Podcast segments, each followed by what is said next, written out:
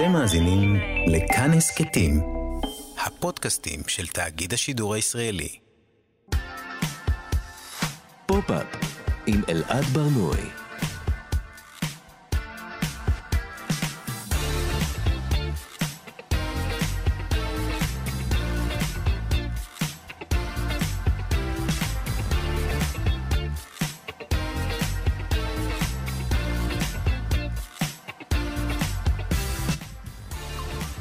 שלום, בוקר טוב, כאן תרבות, אתם על פופ-אפ. בכל שבוע אנחנו מדברים כאן על התרבות שמעניינת באמת. כל יום חמישי בשעה 10, ב-105.3, ב-104.9 FM. ניתן להאזין לנו גם כהסכת, באתר של כאן, ביישומון של כאן, וביישומוני המוזיקה וההסכתים השונים. איתי באולפן מפיקת התוכנית עירה וקסלר, טכנאי השידור אלון מקלר, אני אלעד ברנועי, בואו נתחיל.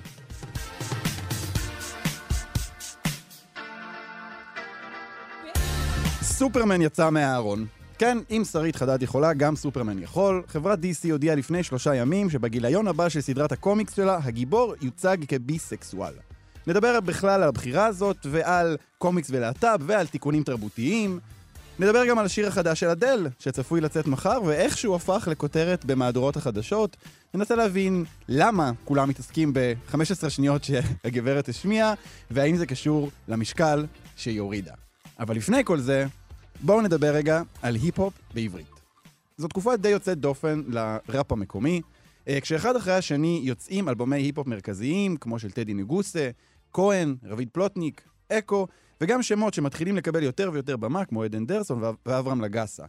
אחד הדברים שמעניין לראות זה איך השפה והטון של ההיפ-הופ המקומי השתנו. פעם היה לנו את סאבלימינל והצל, משפחת תאקט, הדג נחש, שב"ק סמך, סגול 59, שמאוד ניסו להישמע כמו ראפ. כלומר, יו יו יו, אני ראפר, קבלו את הביט הזה, איזה ראפ, אני ראפר. ועכשיו אנחנו שומעים פתאום ראפ קצת שונה, שמגיע עם מנעדים שונים של טון ושל קצב. בואו ניקח שתי דוגמאות, שני ורסים, כלומר בתים מהתקופה האחרונה, ונשמע אותם. הבנתי שלא משנה כמה תביא אם באתי לקחת כתר אין זמן לקחת אוויר כולם פה יושבים ומחכים, מסתכלים עליי, מנסים אותי, מנדים אותי, סתם הם מתים עליי, הם יודעים את זה ש...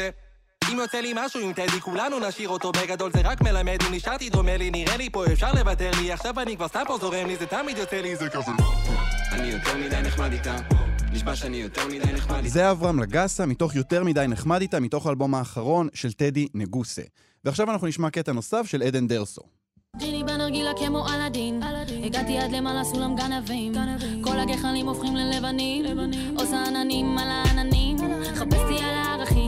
היי סוודר וסאצ'י ונעלי בית הנרגילה עליי פאפים על החברים לא הבאת ביץ' בוי ביי. יחס קר שלג מי אני עונה לך עדן שלי יקר ערך ואם פלד על זה תגיד לא שייך פיתה מחיר באלף תגיד שאני שנייה בדדלן בדיוק מפמפמת תגיד שמהאלפים העשן מרגיש אחרת שם שלי חם גם שאני מקוררת דופקת תחת רק אותי נסחלת אני על האלפים כמו תמיד בהיפ-הופ אפשר לשמוע כאן הרבה השפעות ודמיון והרבה דברים.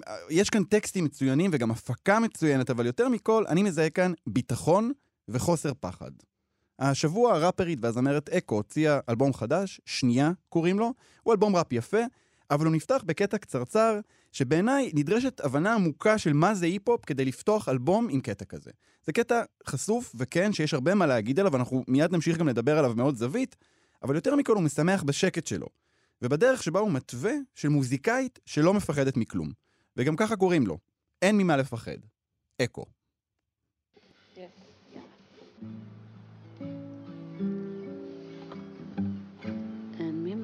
לפחד, אין ממה לפחד, הכל יתאחד, הכל יתאחד. יש שיר לכל יום, וזה שיר של הלב, לכאב, לחלום, זה עובר. אין עוד מה להדוף, אין עוד מה להדוף, זה הכל יחלוף, זה הכל יעטוף. יש לכל דבר זמן, וזה זמן לשחרר, גם הנורא מכל, בסוף הוא עובר.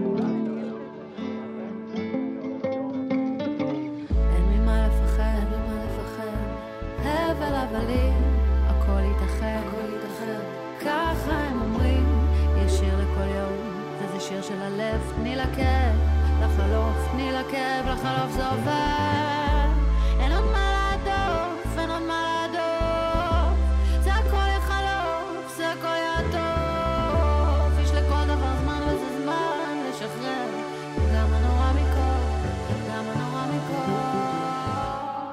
אין ממה לפחד, אקו, איזה שיר יפה זה. שמעתם את הצלילים האלה בסוף, בקול שלה? צלילים קצת רובוטיים, צלילים מרגשים כאלה?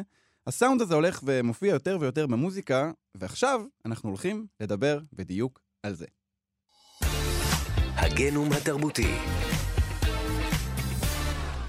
אם האזנתם למוזיקה שיצאה מתישהו ב-20 השנה האחרונות, ודאי התרגלתם לשמוע צלילים מסוג מסוים. קול שירה אנושי, אבל לא ממש. חצי רובוט, חצי אדם. אל תדאגו, אתם לא צריכים לבדוק את מקלטי הרדיו או את האוזניות שלכם. כי היום בגנום התרבותי, אנחנו הולכים לדבר על אוטוטיון.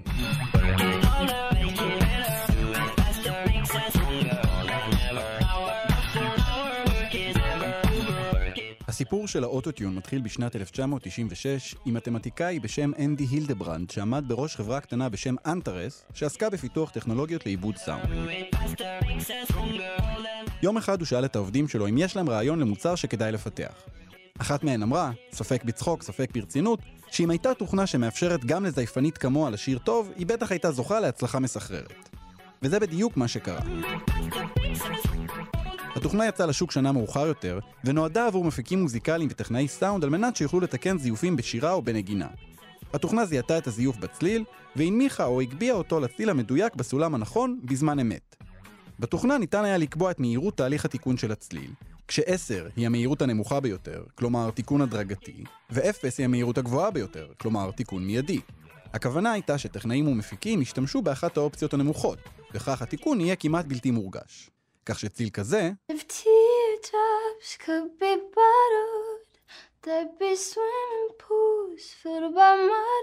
יהפוך לכזה.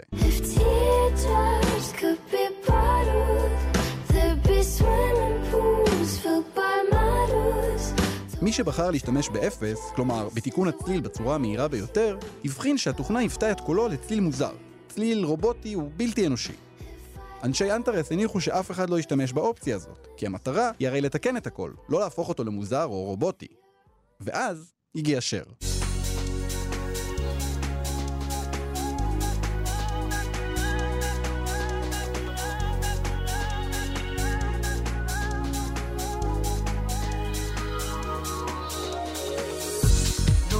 שנה לאחר שאוטוטיון יצא לשוק, פרצה אלת הפופ המיתולוגית עם הלהיט העצום בליב, שעשה שימוש מובהק, בוטה וכמעט מגוחך באוטוטיון, והציג את הקול החדש של הזמרת במלוא רובוטיותו.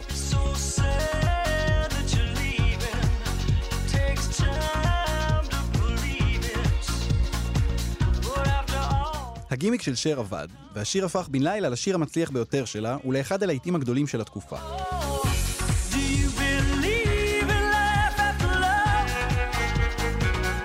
השימוש הבוטה באוטוטיון עורר גם ביקורת כלפיה, אבל מבקרים רבים גם העריכו את האומץ במהלך יוצא הדופן שלה.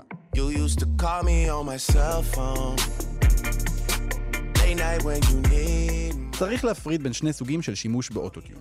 ישנו השימוש העדין, השקוף, זה שאנחנו לא אמורים להבחין בו, שמדייק את קולם של זמרים וזמרות. היום, בשנת 2021, אין כמעט מוזיקה שלא נעשה בה שימוש באוטוטיון.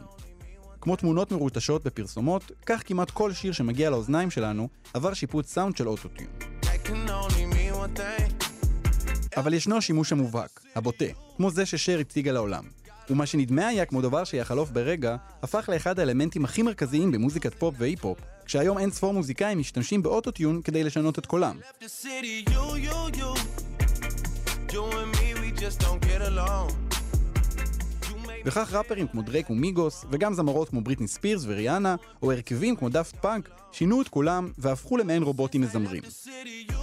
מי שהביא את הטכניקה הזאת אל מרכז העשייה המוזיקלית הוא קניה ווסט, שנחזור אליו מיד.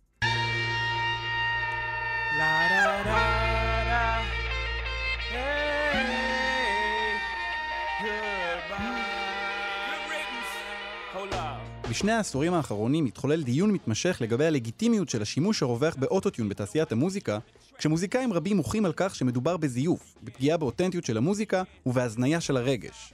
אפילו הראפר ג'יי זי הוציא בשנת 2009 שיר שנקרא Death of Autotune, שבו הוא יוצא נגד הטכנולוגיה הזאת.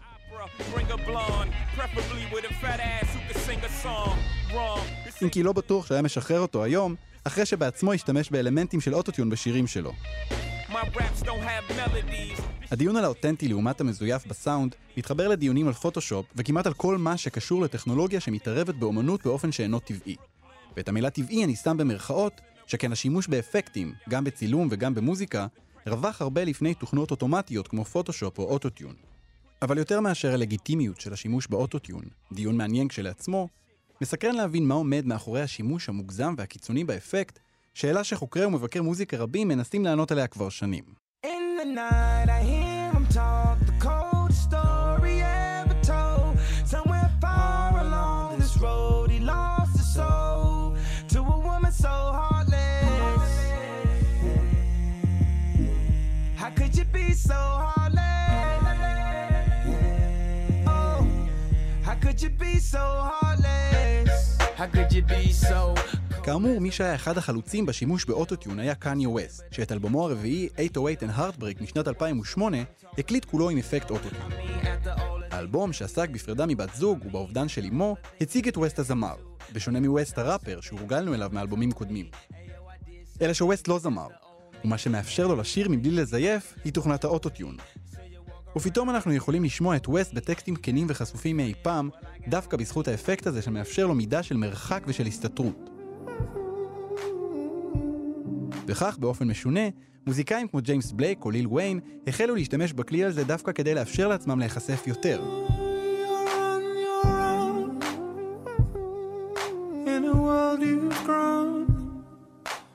גם אצלנו זמרים כמו אתר מיינר ואקו ששמענו מקודם, משתמשים באוטוטיון ברגעים החשופים ביותר במוזיקה שלהם. So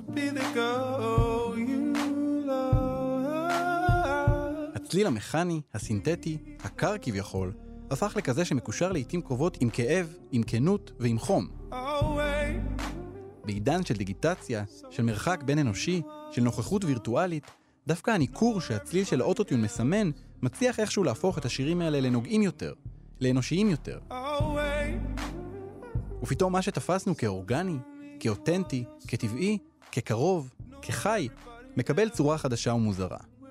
וכמו איש הפח בהקוסם מארץ עוץ, מתברר שמאחורי חזה המתכת פועם לב אמיתי, אנושי ומדמם במיוחד.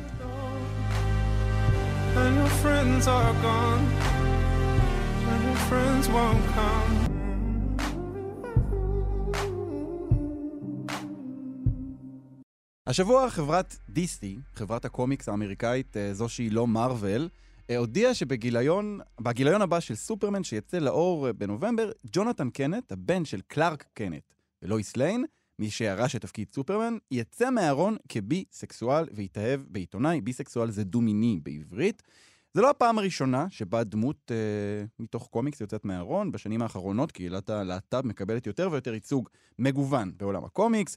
אה, ככה אם נזרוק כמה שמות, אז אה, ברוס וויין מבטמן, אה, אה, גילינו שיש לו בת דודה לסבית, שנקראת קייט קיין, אה, דמות שגם אה, מכונה בת וומן, אה, וגם אה, קפטן אמריקה אה, החדש השתייך באיזושהי צורה לקהילה.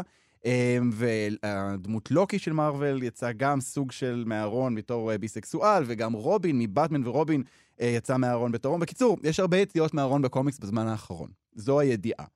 ואנחנו ננסה עכשיו רגע לרדת לשורש של הדבר הזה, ולהבין מה זה אומר לנו, והאם זה משמח אותנו.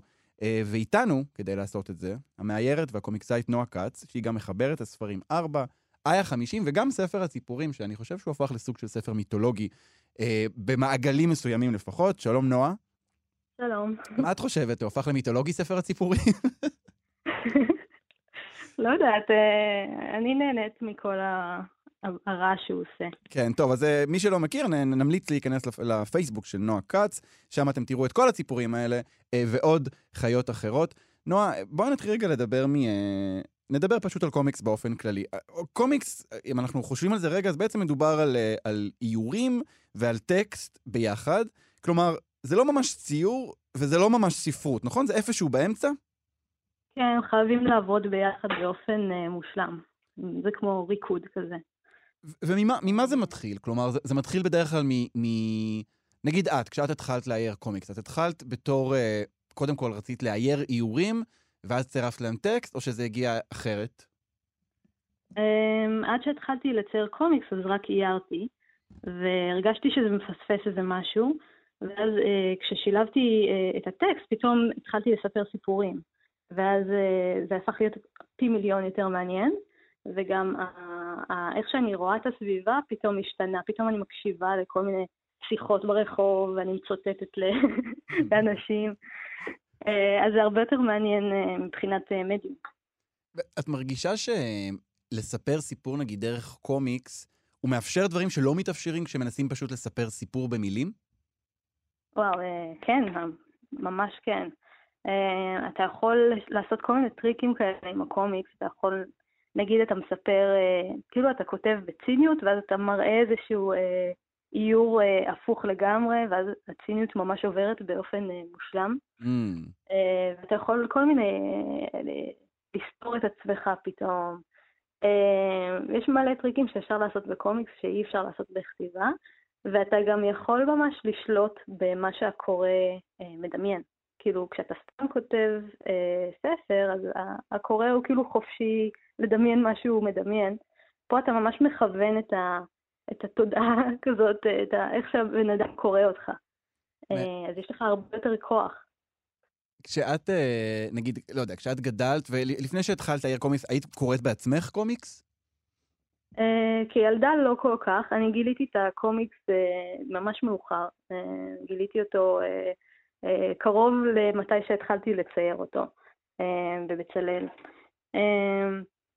ואז אה, עם, אה, עם זה שהפכתי להיות קומיקסאית, התחלתי ממש לקרוא המון המון המון כדי אה, גם ללמוד וגם ליהנות ממנו. אה, ואני בעיקר, אני פחות בגיבורי על, זה גילוי נאות, אבל אני מאוד מאוד אוהבת לקרוא קומיקס מהחיים האמיתיים יותר. אז בעצם התחלנו לגעת בזה, בזה שקומיקס מאפשר דברים שאולי פלטפורמה אחרת לא מאפשרת. אם את כזה, בתוך הניסיון שלך, גם כקוראת, אבל גם כיוצרת, איזה, איזה נושאים אה, בעינייך קומיקס מאפשר איזושהי גישה אחרת אליהם, אה, מאפשר לדבר עליהם בצורה שהיא אה, מעמיקה יותר, או פתוחה יותר, או חשופה יותר? כלומר, איזה נושאים מרוויחים מזה שהם בקומיקס? אמ, אני חושבת שכשמדובר בסיפורים אישיים של היוצרים, שהם פתאום יכולים להפוך את זה, ל- להפוך זיכרונות ל- אה, לספרי קומיקס, זה אני הכי אוהבת בעולם. וזה הספרים שאני גם קונה ומככבים אצלי בספרייה. אמ, זה, זה כאילו הצצה לתוך ראש של מישהו, הוא כאילו מצייר לך את ה- את הזיכרונות ש- שלו או שלה, אה, וזה יפה. יש משהו בעיסוק גם בטראומה, אני חושב, שהוא אה, מופיע הרבה בספרי קומיקס, אה, אה, גם מהשנים האחרונות, אבל בכלל, יש, יש אה, לפני כזה השידור, אז קראתי קצת אה, אה, כזה מחקרים, שאומרים שיש משהו באיורים אה, שמאפשר לגעת בטראומות ילדות ובדברים שהם, שהם כאילו לא מתנסחים כל כך במילים, דווקא דרך איור ודרך קומיקס. כן. הדברים הכי קשים בחיים זה החומר הכי טוב ליצירות האלה. זה כאילו, לפעמים שקורה לי דברים uh, לא נעימים, או איזו חוויה uh, לא נעימה בחיים, בכללי, אז אני חושבת, טוב, איזה מזל שזה קרה לי, ולפחות אני יכולה כאילו להפוך מזה, להפוך את זה למשהו חיובי ויצירתי. איזה, איזה מחשבה יפה זו, איזה מזל שזה קרה לי. כאילו. כן, כי אם זה, אם זה קורה למישהו שהוא, שהוא לא יכול לעשות את זה, אז זה סתם חוויה רעה שמתבזבזת. יפה, זה לא, זה, זה, את נשכבת על הגדר אה, למען, למען הכלל. אמ, כן, תביאו הכל עליי, אני, אני אסתדר. נועה, אם אנחנו מדברים עכשיו, נגיד, על, התחלנו עם, אה, לדבר על, על ייצוג אה, קווירי ולהט"בי, אה, מהניסיון שלך בעולם הקומיקס, אה, זה דבר שיש אותו, ש, ש, שקיים הרבה? אמ, יש המון המון יוצרים להט"בים בסוגת הקומיקס, ובכללי בכל כל מיני סוגי אומנות אחרים, אני שמה לב שיש המון להט"בים, אני לא יודעת אם, אם זה קשור אחד לשני, אני לא מומחית במוחות, אבל אני חושבת שיצירתיות ולהט"ביות סוג של מתחבר ביחד ממש טוב. אה, וראיתי את זה נגיד אה, כשלמדתי בבצלאל, היה המון להט"בים שלמדו איתי יחד. אה, אז אולי זה כן קשור, אני לא יודעת. אבל כשיוצר להט"בי כותב ספר קומיקס או רומן גרפי, אז החוויות שלו כאילו זולגות פנימה. אז אם הוא נגיד מספר על עצמו אה, בספר אוטוביוגרפי או משהו כזה, אז אנחנו מקבלים את הייצוג, ואם הוא מספר על חוויות שקרו לו, דרך איזה דמות שהוא אה, מספר איתה את הסיפור, אנחנו מרוויחים ייצוג. ואני חושבת, גם אם, אה, גם אם הוא לא מדבר על זה בספרים שלו, העובדה שהוא בעצמו יוצר להט"בי, ואני מעריצה אותו, ואני עושה עליו גוגל, ואני רואה שהוא להט"ב, אז זה, גם ייצוג מבחינת עצמו. שאני מעריצה מישהו ואז אני מגלה שהוא אה, להט"ב. כן, יש בה... אמ, אחת, אחת היוצרות הקומיקסאיות הכזה בולטות של זמננו זו אליסון בקדל. היא אולי מוכרת מה, ממבחן בקדל, שזה מבחן של סרטים פמיניסטיים, שסרט שעובר אותו זה סרט שיש בו לפחות סצנה אחת, שבה שתי נשים מדברות אחת עם השנייה, והן לא מדברות על גבר. זה נקרא מבחן בקדל של אליסון בקדל, והיא גם אה, אה, יוצרת לסבית שמאוד מאוד בולטת ב, בעיסוק שלה ביציאה מהארון, אה, אה, ובכלל בלהט"ביות שלה. אה, אבל את חושבת שיש משהו ב... ב... דיברת נגיד על, על יצירה ועל להט"ב, את חושבת שיש משהו ספציפי בקומיקס שהוא, שהוא איכשהו קשור לזה או שמאפשר את זה? אמ, אני חושבת שבגלל בגלל שאנחנו עוברים איזה אה, חוויות שהן אה, יוצאות מן הכלל כאלה, לפעמים אנחנו מקבלים אה, תגובות מסוימות, או, כשאנחנו יוצאים מהארון, אמ, וכן הלאה, אה, אם זה ביטויים לה- להטרופובים וכאלה, אז הכל כזה סוג של מתנקז לאיזשהו מקום שחייב לצאת באיזושהי צורה Mm. אה, יצירתית. אמ, אז אני חושבת שזה כן אולי קשור, אה, אבל אני לא מומחית במוחות. אם אנחנו עכשיו נדבר רגע על סופרמן, אמ, את ממש הכי באינסטינקטיבית שלך, כשאת שומעת את, מה זה, מה זה עושה לך? מה, שהוא יצא מה... שהוא יצא מהארון, כן. אה, הבן שלו. אמ, אני שמחתי, אני חשבתי שזה ממש מדהים. אמ, גם לקהילה בכללי וגם לקהילה הקטנה של הביסקסואלים במיוחד, כי הם לא ממש מיוצגים, והם סובלים מחוסר הבנה וזלזול. כי, כי, אה, כי תמיד גם- מנסים, גם מנסים לקחת הקהילה. אותם לכיוון הזה או לכיוון הזה, כלומר... אה, כן, כזה מתייחסים אליהם כשלב מעבר כזה, וזה mm, אה, נורא אה, עצוב ומכעיס. אה, ככה מספרים לי חבריי הביסקסואלים. את חושבת, נועה, אבל שיש ב... בתיקונים האלה, כאילו מצד אחד יש בזה משהו שאומרים, וואו, איזה יופי, יש לנו עכשיו ייצוג מגוון, ויש לנו עכשיו כל מיני אה, סוגים של דמויות, דברים שלא יהיו לנו, אבל, אבל כל הזמן מתלווה לזה איזושהי תחושה אולי שזה מאולץ, או שזה אפילו איזשהו ניסיון של חברה, נגיד, אה, כמו שיש תמיד לקראת חודש הגאווה, חברות מסחריות שמנסות לקרוץ לקהל הלהט"בי, אז אפילו שזה נקרא queer baiting, אפילו איזה, איזה משהו מהעולמות האלה, ש, ש, שקורה כש, כשחברה כמו DC מכריזה הכרזה כזו? אה, כן, אז את ה- המחשבה הראשונה זה שזה כאילו מאוד טרנדי, והם כאילו מתכנסים באיזושהי ישיבה והם רואים איך אנחנו גורמים לאנשים לדבר על זה ולקנות. אה, ועובדה שאנחנו מדברים על זה עכשיו ברדיו, אז, כן. אז זה הוביל. אבל לא יודעת, קראתי כתבה שהוא הכריז שזה לא שטיק. בסדר, יכול להיות שזה כן אה, אה, ממניע כלכלי, או אולי מישהו שם אה, מדם ליבו מאוד רצה ייצוג. אה, כך או כך אנחנו מרוויחים, אז, אז לא אכפת לי. את חושבת, אה, נועה, הקהל ש, אה, שקורא קומיקס אה, באופן מסורתי, לפחות זה שאנחנו אה, רגילים לראות בסדרות אמריקאיות או בסרטים, תמיד, זה, זה לרוב בנים, אה, כמו החבר'ה מהמפץ הגדול, כאלה חנונים, אפשר להגיד. אה, הם אלה שצורכים את הקומיקס גיבורי על. מה, מהניסיון שלך כיוצרת שמתקשרת עם הקהל שלה, זה פחות או יותר הקהל באמת? אה, אני, אני, אני קצת מתקשרת עם קהל אחר, יותר מבוגר, אבל אה, אני אגיד לך את האמת, אני לא, לא אה, עמוק, עמוק בתוך קומיקס גיבורי העל, אז אני לא יכולה לענות על זה כמומחית או משהו כזה. אני חושבת שיש המון בנות ונשים שקוראות קומיקס. אולי קצת כזה דוחקים אותם הצידה, כי זה מין דבר כזה שהוא כזה מייל דומינטד כזה. אבל אני חושבת שיש המון שאנחנו פשוט לא, יודע, לא יודעים עליהם. כן, אה, כן, אבל את מרגישה שזו זירה שהיא מייל דומינטד? כן, אה, בגיבורי העל לפחות, כן. אה, בקומיקס שאני מאוד אוהבת, הקומיקס היותר מציאותי למבוגרים, אז יש המון המון המון יוצרות, שזה ממש כיף. וגם בישראל אני חושבת שיש יותר יוצרות מאיירות ממאיירים. אה, או אולי בדיוק חצי-חצי, אני לא בטוחה לגבי זה. צריך- לא עשיתי את המחקרים צריך שלי. לבדוק את המספרים. לראות איפה הקו עובר. כאילו. כן, אה, כן. זה, כן תחום שלפחות באמת בסביבה הזאת, מחוץ לגיבורי, אולי צריך באמת להגיד, גיבורי על זה משהו שהוא, אה, זה, תחום קומיקס מאוד מאוד ותיק, הוא כבר עשרות שנים קיים, אה, והוא באמת, הוא, הוא סוחב איתו כאילו מסורות מאוד ישנות. בגלל זה, אה, ספר הציפורים של נועה כת זה לא ממש ספר שאמור לעבור איזשהו תיקון תרבותי, כי הוא יצא כבר באיזושהי זירה חדשה יותר ועכשווית יותר ומודעת יותר, וכל המרוויל ו-DC, הם, מאחר שהם סוחבים איתם את כל המסורות האלה, הם באמת צריכים לעשות את התיקונים התרבותיים האלה שאנחנו עכשיו מדברים עליהם. כן. אמ, לא, אני לא יודעת כמה המהלך הזה ספציפית זה היה תיקון, כי זה דמות חדשה בתכלס, הבן שלו. אז כאילו זה לא לי, כאילו לקחו דמות אה, ותיקה והפכו אותה, שזה גם אחלה, אבל אה, זה ספציפית, הם פשוט בנו דמות חדשה, וזה אה, כאילו זה blank slate, אתה יכול לעשות מה שבא לך איתו. כן, כן. אמ, אה, גם, האמת שגם אה, אה, אה, אה, הלבישו לו על הגב, לסופרמן הצעיר הזה, גם, אה, הוא נקרא סופרמן of the earth, הוא כאילו סוחב גם את המשבר האקולוגי איתו. אה, גם זה, גם תיקון ש-DC עושים על הדרך, כאילו ש... כמה אחריות.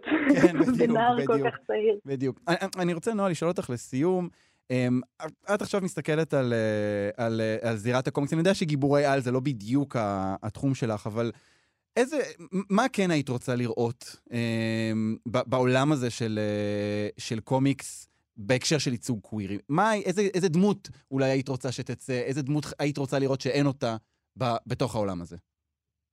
אמ, אתה יודע, אני לא רוצה להיות גרידית ולבקש... לא, לא, בבקשה תהיי, בבקשה תהיי. אה, אני- אני בעד ש... כאילו פחות אכפת לי מדמויות, יותר אכפת לי מיוצרים, שיהיו עוד יוצרים אה, קווירים, אה, ואז הייצוג יהיה מאוד מאוד אותנטי ומאוד נכון, אה, ואז אתה לא תחשוב פעמיים שאולי זה בגלל כסף או, או שטויות כאלה או יח"צ. אה, ככל שיש יותר יוצרים להט"בים, אז השינוי בא ממש כאילו מבפנים, והוא כאילו סופר אה, אה, מרגש ואמיתי. אה, אבל אה, איזה דמויות? לא יודעת. קיבלנו לאחרונה את שרית חדד, אז אני.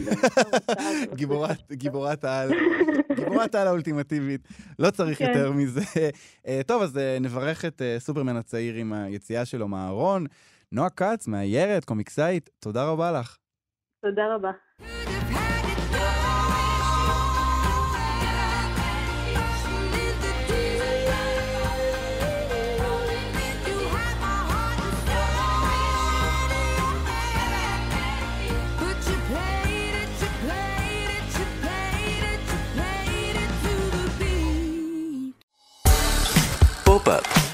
אלעד ברנועי. כאן תרבות, אתם על פופ-אפ. בשבוע שעבר אדל פרסמה 15 שניות מתוך שיר חדש, והעולם השתגע. השיר Easy on Me הוא סינגל ראשון מתוך אלבום חדש שצפוי לצאת בנובמבר, יקראו לו 30, אה, זה אלבום רביעי לזמרת הבריטית, אחרי 19, 21 ו-25, שקרויים על שם הגיל שבו אדל הייתה כשהיא כתבה את האלבום. כי היום היא בת 33, היא כבר לא בת 30, אם תהיתם. אה, בווידאו לייב שהיא עשתה באינסטגרם שלה השבוע, אה, מאוד מאוד מצחיק הוא היה, הוא גם הפך להיות כזה מין אה, תופעת רשת עם מלא מימים מתוכו. היא סיפרה שזה הולך להיות אלבום גירושים, והיא גם השמיעה 40 שניות מתוך השיר, ואנחנו עכשיו בפופ-אפ נשמיע לכם את זה כדי שתהיו מעודכנים במה שקורה.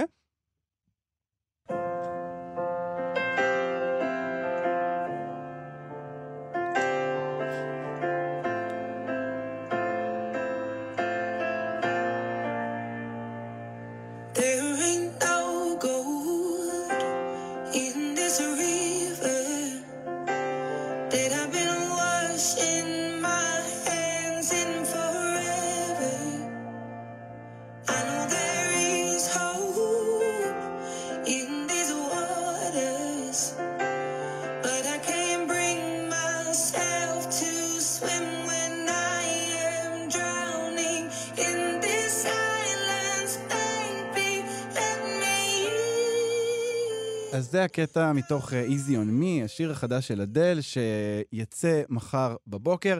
עכשיו, כאילו יש איזו אה, תחושה קצת משונה, שאנחנו מדברים על שיר שעדיין לא יצא, כאילו מדובר באירוע חדשותי. אה, זה גם באמת אייטם שהגיע למהדורות החדשות, מדברים על זה, סופרים את הזמן, שעונים, חישובים, טורי דעה שנכתבו עוד לפני שיצא השיר. וכדי לנסות להבין רגע, מה הסיפור הזה עם אדל, ולמה כולנו מתחרפנים מזה שיוצא שיר שלה, איתנו על הקו התסריטאית ועיתונאית התרבות דפנה לוסטיק. שלום דפנה. היי, מה העניינים? דפנה, מה הקטע עם אדל? למה כולם מתחרפנים מכל דבר שהיא עושה? וואו, וואו. קודם כל, השמעת את Bowling in the Deep, שהוא מבוסס כמובן על אה, שיר המהמם, Rolling in the Deep, כן. אה, שזו האדל אה, של פעם, עם הקצב, עם הגישה הזאת קצת לבלוז, קצת לדברים שנשמעים קצת כמו רולינג סטון, עם הפקות של פול אפוורת' ודברים כאלה. ואז שמענו את אה, 40 השניות שהעולם מחכה להן, מתוך Easy on Me, ופיהקתי. אוקיי, שיגמר כבר. אה, וזה קרה לי גם כששמעתי את זה בפעם הר- הראשונה ששמעתי את 40 השניות הללו, ואמרתי לעצמה, לעצמי, באמת? שוב? כאילו, שוב הדבר המשמים הזה, שלא עומד, כפי שאמרת הרגע, בשום יחס ישר לפאניקה שאופפת את שובה של אדל, שמעולם לא נעלמה. דפנה, אני, אני מרגיש שאת פחות התחברת, פחות התחברת לשיר שהיא הולכת לצאת תשמע. אני לחומרים האחרונים של אדל, אני את כל האלבום הזה זוכה הגרמי, Hello, Hello from the other side, אני לא אוהבת את זה. Mm. זה משעמם אותי, זה כן בעיניי, אבל זה סוד הקסם של המיינסטרים, אוקיי? אדל תמיד הייתה אהובה ומוצלחת. אמ, אתה שואל, למה אנחנו מחורפנים? אני אה, בדקתי את זה עבורך. אמ, אני חושבת שאדל היא המיצוי של התדמית של האישה הלבנה, כפי שהעולם היה מעוניין שנשים לבנות יהיו היום. אוקיי, אוקיי, בואי, בואי נרחיב את זה רגע. תראה, תקרא את הכתבה בווג. באיזה מהם? אולי צריך גם להגיד, היו, היו, היו שני שערים בו זמנית של אדל בווג הבריטי ובווג האמריקאי. כן. שוב, עדיין לא יצא שיר, כן? שני שערים בשני הווגים. כן, אבל אנחנו לא חוגגים פה את זה שהיא מוזיקלית, אנחנו חוגגים פה את זה שהיא רזה. אוקיי. אז את אוקיי. בעצם, אז, אז, ה- השערים שהיא קיבלה, התמונות האלה, את חושבת שזה בגלל שהיא עכשיו הפכה להיות אה, אה, מודל אה, אה, רזה ויפה? כן, אה, זה, כן, הפכה להיות המטמורפוזה היא העיקר. זאת אומרת, גם בכתב, הכתבה, לפחות ב Vogue האמריקאי, נפתחת, אדל פוגשת את הכתב, כתבת, אני לא זוכרת, ב gym. אוקיי? וכל הרעיון מתנהל כשאדל עושה אימון. עכשיו אדל עושה deadlift, עכשיו אדל עושה squats עם Lord knows how many pounds on her back, זה המשפט המדויק שם. Um, עכשיו אדל מספרת לכתב שיש לה פריצה ב-L5 ו-L6. כאילו... וואו, וואו, כלומר, עכשיו- התהליך שאנחנו עוברים עם אדל זה תהליך של אה, אה, אישה ש... בדיוק. עכשיו אנחנו, אמ, ועדיין אדל מספרת לכתבת שהיא שותה המון. והיא עדיין כל הזמן אומרת fuck, fuck, fuck, my fucking child, my fucking this, my fucking that. היא עדיין אה, כנה ומצחיקה וזה. אדל היא האישה שאנחנו מצוות להיות. ואה, ואז היא כמובן אומרת את המשפט הכי חשוב. היא אומרת, אני מעולם לא הולך, הלך, היא עושה את הרעיון בג'ים, והיא אומרת, אני מעולם לא הלכתי לג'ים כדי להיות רזה. וואו. אני הלכתי לג'ים כי רק בג'ים אינני סובלת מחרדה. וואו. אני אוקיי, מרגיש שאפשר עכשיו- לכתוב עבודת תזה על המשפט הזה. בדיוק. עכשיו, אני מרגישה בתור אישה לבנה, אה, בגילאים האלה, גם אני התגרשתי, אוקיי? שהיא כל מה שאמרו לי להיות. תעברי תהליך, תלכי לג'ים אבל כי את רוצה להיות חזקה, לא כי את רוצה להיות אה, אה, קורבן אופנה או קורבן של רזון. את הולכת לג'ים לטובת עצמך, לא לטובת החברה. קשקוש כמובן. אני אומרת לך את זה כשאני עומדת פה עם הגוזייה של אדידס אחרי אימון. אה, דפנה, אם היית עושה אימון תוך כדי זה היה באמת השיא, אבל- כן, אבל אני כן, מעריך לא. גם את זה. אבל אז הייתי אדל, ואף אחת לא יכולה להיות אדל. מה שמבאס בסיפור הזה, זה בעיקר שבסוף המוזיקה לא עומדת בקנה אחד עם הטירוף. אני רוצה רגע, אני רוצה רגע אמ, ש- שנשמע, אני רוצה לדבר על הנקודה הזאת. יש איזשהו פער בין אדל שאת אה, מתארת בריאיון, שהיא אומרת fuck fuck fuck, בין איך שהיא מדברת עם פה ג'ורה, סליחה שאני אומר, אה, כן. אה, והדמות שיש בשירים. אני רוצה רגע שנשמע קטע מתוך ראיון שהיא נתנה, בוא נשמע את זה. And this, um, someone who works for my management uh, saw this woman pass out in the crowd. This old lady. No offence, but she was 60. That's old, I think. And um, she fainted. She fainted. So they was bringing her out to the side, and then she started pissing herself. איי איי איי. אז זהו, אז אה, בקטע של 20 שניות היא גם הספיקה להגיד ש-60 זה זקן, וגם לספר על אישה שהשתינה על עצמה בהופעה שלה, מדברת על זה ככה בחופשיות, וכל הקהל אה, נדהם מכמה שהיא כנה וחמודה ומצחיקה. נכון. ואז אנחנו שומעים שיר שלה, והוא נשמע ככה.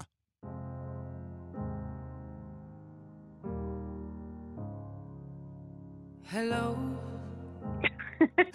עכשיו, כאילו, איך מיישבים את הפער הזה בין שתי הדמויות האלה? יש לנו דמות אחת שהיא באמת מגניבה, והיא מצחיקה, והיא חמודה, נכון. ואני רוצה להיות חבר שלה, ואז יש את הגברת הזאת ששרה, ואלוהים יודע מה זה השירים האלה. אבל אני חושבת שזה סוד הקסם של אדל. אדל, היא מחבקת גם את הדודה שבה. אתה יודע, לנו אומרים כל הזמן, החרדה ש, שלי כאישה היא אל תהיי דודה. זה, זה, זה ציווי חברתי אמיתי. כן. תישארי קולי, תישארי מגניבה, תצטלמי עם הבקבוק רוזה שלך, עם חברות שלך לים, טי טי טי טי טי טי.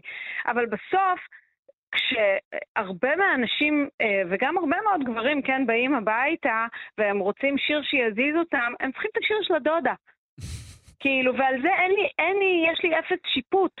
יש לי לפעמים פליאה, אבל אין לי שיפוט. כי, כי מוזיקה צריכה לפנות למכנה משותף רחב כדי להיות אפקטיבית. לא היית רוצה אבל לראות אותה מביאה גם קצת מה, מהדבר הזה שלה, מה, מהלכלוך הזה שיש לה, במה שנראה לפחות שיש לה ביום-יום, שהייתה מביאה את זה גם ל front, שזה לא יהיה כאילו הפער בין כזה זמרת מבצעת, אה, דרמטית ונהדרת, ובין האי- האישה האמיתית? מאוד הייתי רוצה, מאוד הייתי רוצה, ולכן אני, אני חושבת שאפילו בשירים כמו Skyfall, אתה מקבל את הגרנדיוזיות של האופי שלה, Mm. אוקיי? אמ, וה... תראה, יכול להיות שהאלבום הזה, אה, היא אומרת שהוא מלא בדברים שאנחנו עוד לא יודעים. אה, והכוח הגדול של אדל הוא בסוף הכנות. גם במוזיקה הזאת המשמימה, יש המון כנות. אמ, ואני חושבת שעל זה כולם עפים, נכון? אה, ברור שהחלום שלי זה שהיא תביא קצת את הריאנה שבה. כל, כל אחד, כל אחד מאיתנו. צריך להתחבר לריאנה הפנימית שבו.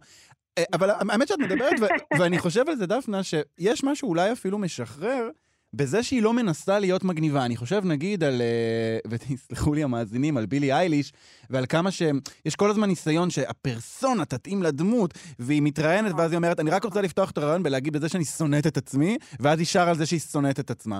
ואז באה פתאום אדל, והיא כאילו מדברת ואומ- ואומרת על אישה שהשתינה על עצמה, ו- ואלוהים יודע מה עוד היא מספרת, ואז היא שרה על דברים אחרים לגמרי, בלי לנסות בכלל להיות מגניבה. נכון, מגניבות אה, אף פעם לא הייתה ערך אצל אדל. אה, אף אחד לא אוהב את אדל או אוהבת את אדל כי אדל היא מגניבה. אה, זאת אומרת, זה באמת, אם אה, דיברנו על ריאנה, או בוא ניקח כזה דמויות כמו קרדי בי, כן. שעובדות מאוד מאוד קשה במגניבות שלהם, אדל לכאורה לא עובדת בזה. אבל אני כן חושבת שיש שם מאמץ תדמיתי מאוד מאוד מאוד גדול. אה, אני, הש- השערים, השער הזה בבוק פתאום היא נראתה לי כמו לאנה דל ריי, או כמו שקוראים לה אצלנו חנה דל ריי. כאילו, פתאום היא נהייתה האישה העשויה הזו. אה, אני חושבת שזה מהותי להצלחה שלה, שהיא תמשיך לשמור על הפה המלוכלך ועל ההופעות ב Saturday Night Live, כי אחרת היא באמת, אה, אחרת זה באמת יהפוך להיות משהו דודתי ומשמים, ואני חושבת שהשורש של ה... ויש עוד דבר ב... בצורך הזה לשים אותה על שני שערים, להתאבסס עליה. אה, קצת חסרות לנו כוכבות אמיתיות גדולות מהחיים. Mm. אתה מסכים איתי? האמת שכן, אני, אני, אני מרגיש שיש כל הזמן, אה, זה, זה כבר, זה משהו ש, שאמרו אותו הרבה, הרבה פעמים לפניי, אבל יש כל הזמן כוכבת אחת, זו התחושה. יש מקום למישהי אחת, חוגגים נכון. אותה, ואז אופס, עוברת מישהי אחרת. אז היה לנו המון שנים מדונה, ואז היה לנו המון שנים ביונסה, ועכשיו אנחנו, אנחנו קצת בחיפוש, לא בטוח שאדל היא הבן אדם הזה, היא האישה הזאת. אבל uh, לבוג ולכלי תקשורת מאוד נוח לשים אותה שם. כי אז היא ממלאת את החלל, ויש לה גם את הסיפור המתאים, והיא גם מגניבה, ובסוף גם המוזיקה תצליח. זה מעניין מה שאת כאילו- אומרת. יש כאן איזשהו איזון עדין בין אה, ניסיון מצד אחד להיות, אה, להביא אותה כנה, ובחדר כושר, ואחות, וחברמנית, ומצד שני באמת איזשהו אה, מודל כזה לשאוף אליו. היא כאילו הולכת כל הזמן על הקו הזה. זה אולי מה שמאפיין אותה, בשונה נגיד מלאנה דל ריי, שאף אחד לא, לא ישאף להיות כמו לאנה דל ריי. לא. וטוב שכך. לא נראה לי. אה, לא, גם אין שם אופי. באדל יש המון המון אופי. באמת יש לה זהות, אה, יש לה זהות ברורה, גם אם זו זהות אחת לראיונות וזהות שנייה מוזיקלית, איכשהו היא מייצרת סינרגיה. אמ, ואני חושבת שאנשים שיש לנו אה, כרגע בעולם הפופ, זאת אומרת, הם, הם לא עד הסוף שם. כן. הן נורא מתאמצות בשביל אופי, כאילו, גם קרדי אהובתי. נכון, נכון. זה, אתה יודע, זה, לפעמים זה מזיע. כן. הרבה זה מזיע. אמ, וריאנה, אם הזכרנו אותה, וגם נגיד, זאת אומרת, ריאנה, אם הזכרנו אותה, יש לה ים אופי, אבל היא נחוותה, והיא לקחה צעד אחורה, והיום את רוב האופי שלה היא מוציאה באופנה. כן, בת- בתצוגות אופנה אמ, באינסטגרם. אז כאילו... אבל האמת ש... את אנחנו אומרת... נורא צריכים את אדל. זהו, כרגע, אה, אה, זה אמרת- קול שפוי. אמרת משהו אחד עכשיו שאנחנו צריכים לסיים, אבל באמת איזה אה, מילה שאמרת על האחרות, שזה מזיע. ואני חושב שאם יש דבר אחד שאפשר להגיד על אדל, זה ששום דבר אצלה לא מזיע. כמו שהיא שרה בקלות, מקודם דיברתי על אוטוטיון. אדל לא משתמשת על- באוטוטיון בכלל, יש משהו תמיד שהוא לא מתאמץ אצלה, אה, וגם ב, ב, בשתי הפרסונות האלה שלה, יש משהו שהוא בכל זאת מרגיש אה, טבעי. אה, וטוב, נקווה שבאלבום החדש הזה, ש... אה, אז ש- הנה, תראה, אלעד, מצאנו את החוט המקשר בין הפרסונות. יפה. היכולת להיות חשופה. יפה. היכולת להיות חשופה, היכולת בכל זאת להביא משהו שהוא כן ואמיתי. אה, ולא מתאמץ, ואנחנו נחכה לאלבום שלה בקוצר רוח, ונקווה שבכל זאת נמצא שם איזושהי אה, מידה מסוימת של לכלוך. דפנה לוסטיג, תודה רבה לך, דפנה. תודה, אלעד. להתראות. פופ-אפ עם אלעד בר-נוי. האזנתם לגרסת ההסכת של התוכנית פופ-אפ מבית כאן תרבות. התוכנית משודרת בכל יום חמישי בשעה 10 בכאן תרבות, 105.3 או 104.9 FM. אם תרצו להאזין לתוכנית המלאה עם השירים, כנסו ליישומון של כאן, רדיו, כאן תרבות, ואז פופ-אפ, או חפשו בגוגל פופ-אפ להאזנה, ואתם מסודרים. להתראות בפרק הבא.